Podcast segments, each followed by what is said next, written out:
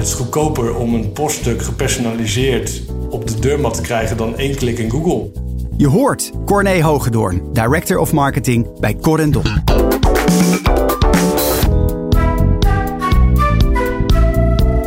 CMO Talk. Marketing bekeken vanaf het hoogste niveau. Hoi luisteraar, een nieuw jaar, een nieuwe podcast. En fijn dat je nu ook weer luistert naar CMO Talk. Ik ben Klaas van Energize en vandaag is Corné Hogedoorn mijn gast. Hij is Director of Marketing bij Corendon. Corné heeft een achtergrond in online marketing. De laatste 2 tot 2,5 jaar heeft hij zich echt ontwikkeld als eh, Director of Marketing bij een succesvolle tour operator, luchtvaartmaatschappij en hotelketen. En onder andere zich gestort op kunstmatige intelligentie. Hoewel Alan Turing al in 1950 de basis legde voor het concept van eh, intelligente machines, wordt artificial intelligence in marketing pas de afgelopen jaren meer in de praktijk toegepast. Maar hoe kun je nou toekomstig gedrag van klanten voorspellen? En hoe speel je hier vervolgens op in? En waar moet je rekening mee houden als je aan de slag gaat met eh, AI voor jouw organisatie? Nou, al deze onderwerpen komen in deze podcast aan bod. Vandaag met Corné in de 65ste CMO Talk over kunstmatige intelligentie. Corné, van harte welkom. Dankjewel. Wij eh, zitten niet in de studio, althans ik wel, en jij gewoon vanuit huis. Klopt. Maar volgens mij eh, kan dat de pret niet drukken. Zeker niet, nee. Hey, we gaan het vandaag hebben over artificial intelligence, oftewel kunstmatige intelligentie. Want ja, jullie voorspellen al een tijd toekomstig gedrag op basis van, uh, van jullie klantdata. Ja. Nou, als je het nou aan een AI-algoritme zou vragen, gaan uh, Corendon en Sunweb nog fuseren? Wat zegt het algoritme dan?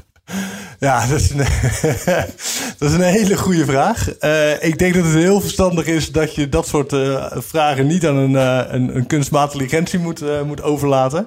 Het ligt op dit moment nog bij de rechter, dus die mag daar zijn of haar oordeel over vellen. Ja, want het is op dit moment een hoger beroep volgens mij gaande. Hè, dus, Klopt, ja. Nou ja de, de, overname van de investeerder Triton hè, van, van Sundeweb, dat, dat kennen, ja. dat weten we allemaal vanuit de media, kennen verschillende hobbels.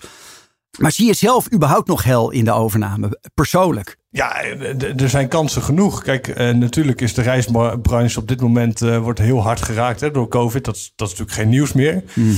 En ik denk dat er gewoon heel veel synergievoordelen zijn in een, in een gezamenlijke combinatie. Dus die, zijn, die zijn er nog steeds. Die zijn niet weg. Die zijn alleen uitgesteld door, door COVID. Ja, helder. Dus, dat, er zijn kansen genoeg. Kansen genoeg. Zeker. Hey, voordat wij helemaal lekker de diepte induiken en het gaan hebben over kunstmatige intelligentie. Corné, neem ons eens mee over ja, jouw functie, jouw werk binnen, binnen Corendon. Ja, ik ben verantwoordelijk voor, de, voor alle marketingactiviteiten binnen, binnen Corendon. Voor de Nederlandse tour operator. En sinds uh, 1 januari uh, 2021 ook voor onze uh, hotelketen.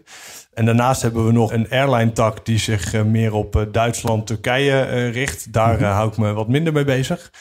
En eigenlijk doen we alle marketing voor de tour operator doen we zelf. We hebben eigenlijk alle kennis en know-how in huis.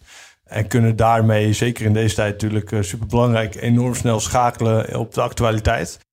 Ja, en, uh, vertel eens, hoe ziet jouw team eruit? Ja, we hebben eigenlijk, wat ik zei, we hebben alles in huis. Dus we Ja. hebben naar alle digitale specialisten uh, in huis. We hebben eigenlijk alle contentproductie in huis. Dan moet je denken aan van tekst tot alle visuals, maar ook video en dergelijke zit, zit in huis. Dus alle creatie, concepten doen we zelf. Het enige dat we met een, een deels extern team doen, is het opnemen van onze tv-commercials. Helder. Uh, hoe groot is ongeveer je team om een beetje gevoel te krijgen? Ja, we zitten met uh, 20, 25 mensen. 20, 25 mensen. Ja. ja. ja. En, en Corendon doet het volgens mij een half miljard omzet. Mag je dat nou ja, goed? de tour operator doet in een goed jaar of een normaal jaar, ja. hè, want uh, dat, laten we daar even over praten. 500, 600 miljoen uh, omzet. Ja, ja klopt. het is natuurlijk een uh, toch wel een stevige speler, hè? nummer drie in de Nederlandse markt. Ja, AI of kunstmatige intelligentie. Er wordt altijd zo mystiek over gedaan. Maar ja, jij bent expert, daarom zit je ook in, uh, in CMO Talk. Wat is jouw definitie van kunstmatige intelligentie? Ik heb geen hele strakke definitie die in één one-liner uh, staat. Maar ik denk dat het belangrijkste is dat je, dat je gedrag of eigenlijk data gebruikt om, om zaken te voorspellen en daarmee automatisch dingen te doen. Insights zijn leuk, maar, maar leveren in de basis niks op. Daar moet je iets mee doen. En dat stukje erna, dus er iets mee doen op een geautomatiseerde manier, hoort wat mij betreft absoluut uh, uh, daarbij. Dat is eigenlijk een, computer die beslissingen neemt. Als je exact. het zegt, op basis die, die, van... data analyseert en op basis van die data ook een beslissing neemt en, dat, en die beslissing ook uitvoert. Ja, en dan een heel bekend voorbeeld is natuurlijk Tesla hè, met het automatisch rijden. Maar ook wat dichterbij ja. Google, wat we gebruiken, hè, autocomplete. Zeker. En, en uh, ik, ik, bedoel, mijn telefoon die popt up met allerlei uh, suggesties die die uh, voor me doet op basis van tijd, locatie en dergelijke. Dus ja. het zit helemaal verweven in ons dagelijks ja, gebruik. Wat kan een marketeer ermee? Ik denk dat er heel veel kansen liggen. in ons geval betekent dat dat wij eigenlijk al een aantal jaar de volgende vakantie van een consument voorspellen. Dus nog voordat diegene dat helemaal in uh, uh, scherp heeft wat zijn, volgende, zijn of haar volgende vakantie wordt, uh, dan gaan we daar een voorspelling op doen. En die voorspelling die brengen wij actief onder de aandacht van, van die consument. en dat is met eigenlijk alle marketingmiddelen die we hebben. En dat is niet alleen digitaal, maar dat is ook offline of via ons contactcenter. Uh, zijn er ook uh, middelen om, uh, om die voorspellingen onder de aandacht te brengen van de consument. Ja, dat is eigenlijk voordat de consument zelf weet van... hé, hey, ik ga ja. mijn zomervakantie boeken. Ja, we hebben natuurlijk eigenlijk allerlei triggers daarop. Dus we weten wel wanneer een consument gemiddeld gezien... of, of die specifieke consument bezig is met oriëntatie. Maar dan gaan we hem helpen in dat oriëntatieproces. Het is gewoon heel erg complex. We hebben een aanbod van ruim 2000 accommodaties rond het Middellandse Zeegebied en een stukje daarbuiten. Het vinden van een vakantie is dan best wel een uitdaging. En artificial intelligence helpt ons en eigenlijk de consument uh, om door, uh, door de boom het bos te zien, zeg maar. En eigenlijk uh, een sneller een keuze te maken die goed past bij de wensen en voorkeuren van die consument. Ja, hey, en jij bent nu volgens mij een jaar vier, vijf werkzaam bij Klopt, bij, Corendon. Ja, ja. Wanneer zijn jullie met AI gestart? Onze eerste pilot uh, dateert van uh, zo'n 3,5 jaar geleden. En die was eigenlijk vrij direct heel succesvol. En vanaf daar zijn we door uh, gaan ontwikkelen op allerlei mogelijkheden in marketing, maar ook richting service bijvoorbeeld. Om de klantervaring in de totale klantbeleving, in ons geval klantreis, en wij hebben dan ook nog eens een echt fysieke klantreis, mm -hmm. over het hele proces te verbeteren. Ja, en waarom zijn jullie gestart met AI? Was jij trouwens zelf de spark in dat proces? Nou, ik zal eerlijk zijn, ik was niet de spark, maar ik was wel de kartrekker van dat proces. Wij zagen intern dat we op een hele bak met data zaten. En dat zit natuurlijk iedereen, elke uh, consumentenorganisatie, of eigenlijk elke organisatie. En we hadden heel erg sterk het gevoel dat we daar nog niet alles uithaalden. En toen zijn we in gesprek geraakt met een uh, externe club die hierin uh, gespecialiseerd is. En zij zeiden van ja, geef ons die data en dan gaan wij jullie daarbij helpen. En uh, nou, daar zijn we een pilot mee gestart. Dat ging ontzettend snel en leverde eigenlijk enorm snel resultaten op. We hebben geen hele grote business cases gemaakt in het begin, maar zijn gewoon direct gestart. En ja, dat was fantastisch. Dat heeft echt de ogen wel geopend uh, voor, uh, voor mij, maar ook wel heel veel andere mensen binnen onze organisatie. En sindsdien zijn we er heel actief mee. En nou ja, toch inmiddels al 3,5 jaar ervaring. dus jullie ja. kunnen wel zeggen dat jullie wel aan pionieren zijn geweest op het gebied Zeker. van AI binnen marketing. Ja, en dan kan ik me voorstellen voor de luisteraars die zeggen: hey, interessant, ik wil er ook mee aan de slag. Ja. Waar begin je? Hoe begin je? Ja, ik zou zeggen, start klein en snel. Ga niet uh, bedenken dat je in één keer de totale aankoopproces kunt voorspellen... of dat je in één keer totale servicebeleving kunt verbeteren. Maar pak één stukje daaruit en maak een team, een klein kernteam... Om, bouw dat om je heen en ga daarmee snel meters maken... zodat je snel ervaring opdoet... Want het, is, het kan best zo zijn dat je de eerste ervaring misschien een beetje tegenvalt... maar dan leer je dat gewoon heel erg snel... In ons geval uh, was dat een, een klein team van marketeers, uh, IT en, en die externe partij. Wij gingen elke week, sloten onszelf op in een kamer en uh, met, gingen we aan de slag om, om dat voorspellen te verbeteren. Ja, en na een aantal maanden was het live en draaiend en konden we genieten van die resultaten. En uiteindelijk natuurlijk ook doorontwikkelen. Ja. Maar vrij snel hadden we wat dingen staan. Ja. Heb je een, een softwarepakket wat jullie daarvoor gebruiken of hoe werkt dat precies? Nou, wij hebben uiteindelijk hebben wij uh, uh, onze eigen data van uh, eigen klantdata, first party data, gekoppeld aan website data. We mm-hmm. werken met Relay42 als, als data management platform. En, en onze eigen klantdata. En die twee databronnen, dat zijn eigenlijk de twee grootste. Die hebben wij samengevoegd, gebracht naar de, de externe club. En zij zijn daar hele slimme dingen mee gaan doen. En later hebben we nog andere first-party data toegevoegd. Bijvoorbeeld eh, klantreviews of uh, uh, klachten over bepaalde accommodaties of uh, dat soort zaken. Zodat we de voorspelling nog verfijnder konden maken. Maar daar hebben we bewust voor gekozen om dat begin niet te doen, omdat dat elke databron toevoegen kost gewoon wel tijd. Ja. Met name development tijd. En is een, is een verbetering, maar niet per se een stopper om het niet te doen, wat mij betreft. Het stukje kunstmatige intelligentie, zat dat ingebakken in dat dataplatform wat jullie gebruikten? Of? Nee, dat zit dus eigenlijk extern. Dus die externe partij, uh, Building Blocks is dat, die hebben uh, al die berekeningen gedaan en die sturen dat dan terug naar bijvoorbeeld Relay42 voor eigenlijk alle online kanalen, waarmee we search, de website, maar ook e-mail uh, slimmer maken. Uh, maar ook doen we dat bijvoorbeeld voor post. Dus wij sturen gepersonaliseerde brochures naar onze klanten toe. Met daarin de voorspellingen van hun volgende vakantie. Hm. Ja, en het grappige is, het is goedkoper om een poststuk gepersonaliseerd op de deurmat te krijgen dan één klik in Google. En ik denk dat heel veel marketeers zich blind staren op alleen de digitale kanalen, omdat het nu eenmaal 2021 is. Maar ik denk juist doordat heel veel partijen dat doen, dat er ook heel veel kansen liggen in de wat meer traditionele kanalen. Waarop je gewoon ontzettend veel bereik kan uh, creëren. En ook uh, super relevant. Want wie krijgt er tegenwoordig nog gepersonaliseerde posten uh, ja. in huis? Ik krijg niet heel veel post meer in ieder geval. Nou, jullie zijn aan de slag gegaan met building blocks. Ja. Jullie hebben die data aan elkaar geknoopt. En nou, het algoritme is gaan draaien. En toen? Wat, wat zag je? Wat zag je gebeuren? Een aantal goede dingen. We hebben natuurlijk een contactcenter. Mensen bellen ons op met vragen over een volgende reis. En als je een nieuw contactcentermedewerker bent, dan, dan heb je gewoon niet alle kennis van alle 2000 accommodaties. Dat kan niet. Dat, heb ik zelf ook niet allemaal. Ja, deze voorspellingen helpen zo'n contactcentermedewerker om gepersonaliseerde uh, adviezen te geven aan de consument, zodat die sneller geneigd is om, uh, om boeking te gaan doen. Hm. Nou, en daarna zijn we eigenlijk dat proces gaan uh, verfijnen. Dus extra databronnen toevoegen, extra kanalen toevoegen, displaycampagnes, et cetera. Uh, we gaan nu kijken naar andere fases in de customer journey. En, en ook in de fysieke klantreis. Hoe kunnen we dat nu verbeteren? Dus dan moet je denken aan het voorspellen van up- en cross-sell mogelijkheden. Het voorspellen van wanneer gaat iemand überhaupt beginnen aan een oriëntatieproces. Uh, dus nog echt wel voor dat aankoopproces een beetje start. Hoe kunnen we diegene dan al activeren en uh, weer laten kennismaken met Corendon? Nou, dat zijn allerlei processen waar die nu parallel lopen, ook door meerdere lagen en, en afdelingen van de organisatie om ja, al die kennis te gebruiken voor slimmere eh, en, en betere marketing en een betere klantervaring. Mooi. Met de kennis van nu, drieënhalf jaar later, wat zou je anders doen?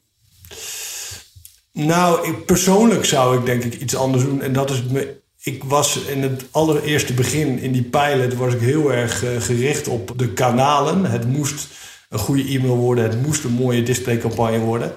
Terwijl eigenlijk, wat ik eerder ook zei, die DM het ook gewoon hartstikke goed doet. Dus ik had me niet zo blind moeten staren op bepaalde kanalen, maar veel meer op nog meer denken in waar is de consument en wat vindt diegene belangrijk en welke middelen zijn dan geschikt om die consument te bereiken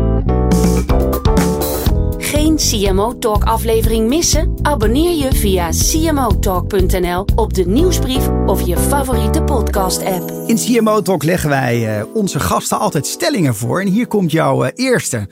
Het duurt jaren voordat je je eerste investering in AI terugverdient. Ik zou zeggen, ehm, het hangt een beetje van je volume af. Enkele weken tot enkele maanden. Moet Kijk. kunnen. Maar Kijk, jullie zitten natuurlijk in de consumentenbusiness, hè? Over het algemeen. Misschien dat je ook wel wat zakelijke reizen aanbiedt. Ja, maar vooral consument. Consument. En, ja, en daar heb je natuurlijk uh, een schat aan data. Maar als je nou een B2B-marketeer bent en je hebt zeg maar 50 of 70 klanten, is ja. dan ook geschikt?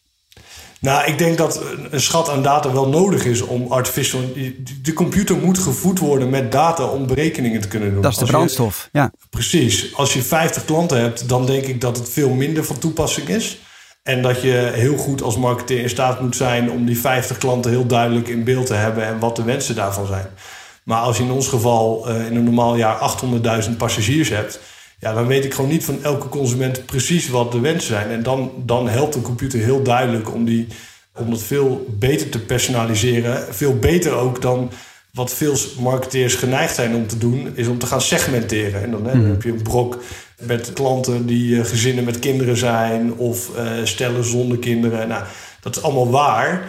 Um, maar artificial intelligence stelt je in staat om binnen die segmenten nog veel verfijnder zaken te doen. Als je hele lage aantallen klanten hebt of weinig data, ik denk dat een van de twee uh, belangrijk is, ja, dan is artificial intelligence misschien niet het juiste middel. Dus het is geen doel op zich wat mij betreft. Maar ik denk dat de hoeveelheid data alleen maar toeneemt in de afgelopen jaren, ook in B2B, ook in kleinere organisaties. En dat daar zeker kansen zijn om dat uh, snel renderend te krijgen. Ik heb geen flauw idee, maar uh, het opzetten van zo'n AI-project. Dat je zegt van nou weet je, we beginnen klein, we gaan gewoon aan de slag. Ja. En uh, wat voor investering moet je denken? Ja, dat, dat hangt er vanaf. Maar dat, dat kan al met enkele, enkele tienduizenden euro's kun je al een eerste ding, eerste iets doen. En uh, ik denk dat dat heel relatief heel klein is. Dat hangt natuurlijk ook heel sterk af van je IT-organisatie, hoe complex dat en dergelijke is. Maar laten we zeggen dat uh, als je 50.000 euro hebt, dan, dan kun je starten, kun je een pilot doen. En bewijzen, mocht dat nodig zijn in de organisatie, dat dit de weg is om, om te gaan voor de langere termijn. Mooi. En je bent enthousiast. Zeker. Vertel eens iets over de, de resultaten van nou ja, toepassen van de AI ten opzichte van jullie reguliere marketingactiviteiten? Nou ja, uh, ik denk dat de, de meest aansprekende voorbeeld is dat, wat ik net zei, die DM, die is goedkoper dan een klik in Google. Nou, dat is dan één, hè, want dan ligt... En wat kost een klik in Google binnen het reissegment ja, tegenwoordig? Ligt tussen, de, tussen de 50 cent en 1,50 euro. Ja. Een beetje afhankelijk van, een beetje zo afhankelijk van het seizoen, et cetera. Maar laten we zeggen dat het een euro kost. Nou, die, het, die DM die, die is la, goedkoper. En de conversie is beter. Dus die klik op zichzelf is leuk. Of dat het goedkoper is op de mat te krijgen, dat is leuk. Maar de conversie is ook nog eens hm. beter. En ja, dat is natuurlijk te gek. Ik word daar super enthousiast van. Het enige belemmering die je dan hebt, is zorgen dat je voldoende data hebt, klantdata, dat je zoveel mogelijk bereik kan realiseren. Maar uh, geld is dan niet meer uh, de belemmering in, in zo'n geval. Uh, maar ook bijvoorbeeld op e-mail zien we gewoon heel veel duidelijk hogere open ratio's, hogere hogere klikratio's, betere conversieratio's. Eigenlijk in alle kanalen zien we gewoon betere ratio's dan de default campagnes die er draaien. En, en echt fors hoger. Niet, uh, niet 5% of een beetje, maar mm. echt fors hoger. Significant hoog. Ja. Significant hoger, ja, ja zeker. Hey, um, wat moet je nou op orde hebben als organisatie? Wil je aan de slag gaan met uh, AI als marketingorganisatie? Je hebt natuurlijk wel een behoorlijke stroom aan data nodig. Dus eh, wij hadden het geluk, of hebben eigenlijk het voordeel dat we al, al heel lang, een jaar of 7, 8, een DMP in place hebben. Nou, er zijn ook organisaties die dat wat korter hebben, waardoor de ontwikkeling daarvan wat achterloopt, of in ieder geval minder ver is. En dat zijn wel zaken die, eh, die ik zeker zou aanraden omdat je die data heel goed kunt gebruiken met, met je eigen data van je klanten. En uh, dat moet wel op een bepaalde manier toegankelijk worden op, op een gestructureerde wijze, zodat een computer er iets mee kan doen. Dus die computer moet gewoon gestructureerde data kunnen ontvangen. En natuurlijk zul je daar een vertaalslag overheen moeten maken. Ook wij hebben dat moeten doen. Uh, maar zodra je dat uh, gedaan hebt, dan, dan kun je aan de slag. Mooi. Ik wil je een aantal keuzes voorleggen, Corné. Ja. En je moet er steeds één van de twee kiezen. En na afloop mag je er eentje uitpakken om toe te lichten. Oké. Big data of een zorgvuldig samengestelde dataset? Big data. Onderbuikgevoel of datagedreven? Datagedreven, 100%. Online versus offline opvolging? Oh, dat versus is, er, is heftig. Dan zou ik online doen. Tot in de puntjes voorbereid versus trial and error? Trial and error, zeker weten. Mens versus machine? Mens. Welke wil je toelichten? Uh, online versus offline. Oké. Ja, ik zie uh, veel dat, uh, dat het de diversus erin zit. Dat kan soms in organisaties zitten als in er is online marketingbudget of performance budget versus branding of versus offline marketingbudget. Gooi dat alsjeblieft gewoon op één hoop. Het maakt namelijk niet uit. De klant denkt niet in een kanaal. De klant die is ergens, die is ergens mee bezig en is op een device of op een plek. En dan op dat moment kan die in contact komen met jouw organisatie. En die denkt niet in een offline marketingbudget of in een outdoor budget of in een, een SEA-budget of dat soort zaken. Die is gewoon waar die is en die doet op dat moment wat hij doet. Dus dat is denk ik allerbelangrijkste. Zorg dat, dat die silo, mocht die er zijn, en al is die klein, zorg dat die afgebroken wordt en dat daar holistisch op één manier naar gekeken wordt. En kijk, wat is het doel? Welke middelen passen dan het beste? En als dat offline is, dan is dat prima. En als dat online is, is dat ook prima. En vaak is het gewoon een combinatie. Waar vind je het meest bekroonde werk ter wereld? Dat staat in het Business Creativity Report. Daar vind je de best scorende campagnes op een rij. Handig ingedeeld over acht branches. Meer weten? Bezoek het gratis online event op 4 februari. Kijk op adforum.com en meld je aan. Dat is adforum.com. Hier komt een tweede stelling voor jou. Nederland loopt met de toepassing van AI in marketing heel ver achter. Ja, dat is, dat is lastig. Ik denk het niet. Waar vergelijk je het mee? We zijn geen Tesla, maar ik denk dat we in Nederland ook wel een aantal wel hele toffe bedrijven hebben die heel veel vette dingen doen. Ik zie ook bij bol.com, bij Coolblue, als ik als consument op die site er doorheen klik, dan denk ik, nou, volgens mij zijn ze toffe dingen aan het doen. Uh, ook mijn gedrag aan het voorspellen, mijn aankoopgedrag. Ik weet niet in hoeverre ze dat echt doen. Dus ik denk dat wij niet per se heel veel achterlopen. Uh, uh, ik denk dat we op een goed niveau ermee bezig zijn. Ja. Mooi.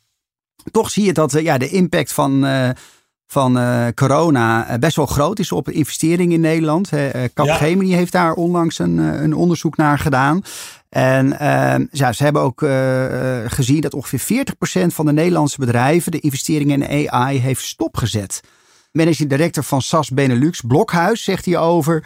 Ja, door die eenzijdige blik op de korte termijn zijn grote organisaties straks het slachtoffer van jonge bedrijven die wel disruptieve bedrijfsmodellen hebben ontwikkeld.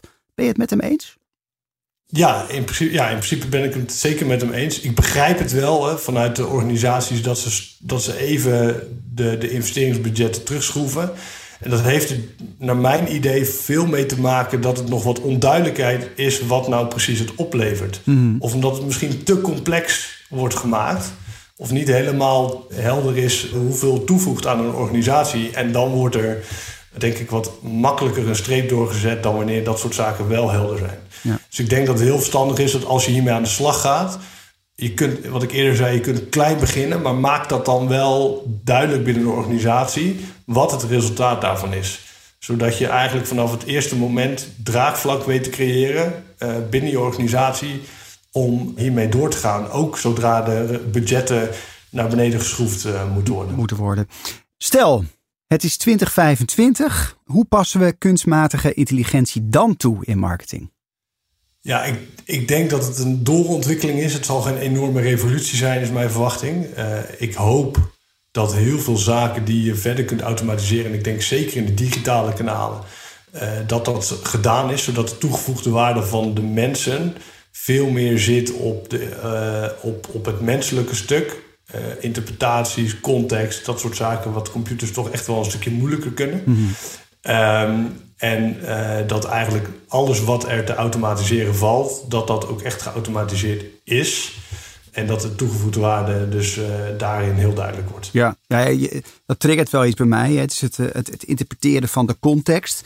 Bij AI speelt natuurlijk ook een ethisch dilemma. Hè? Namelijk, uh, denk ja. aan discriminerende algoritmes. Zeker. He, dus uh, ja, de, de, de, gezichten van, van witte mensen die, die worden heel makkelijk herkend. Maar van, ja. van mensen met een andere achtergrond niet. Ja, ja. Nee, dat, dat zijn zeker zaken. En dat, is heel, dat vind ik wel heel spannend. Je ziet allerlei uh, van die deepfake video's voorbij komen. Precies. Dat je denkt, uh, oeh, Scary. is bijna niet meer te onderscheiden van, uh, van, van nep. Ja. Dat is wel heel beangstigend.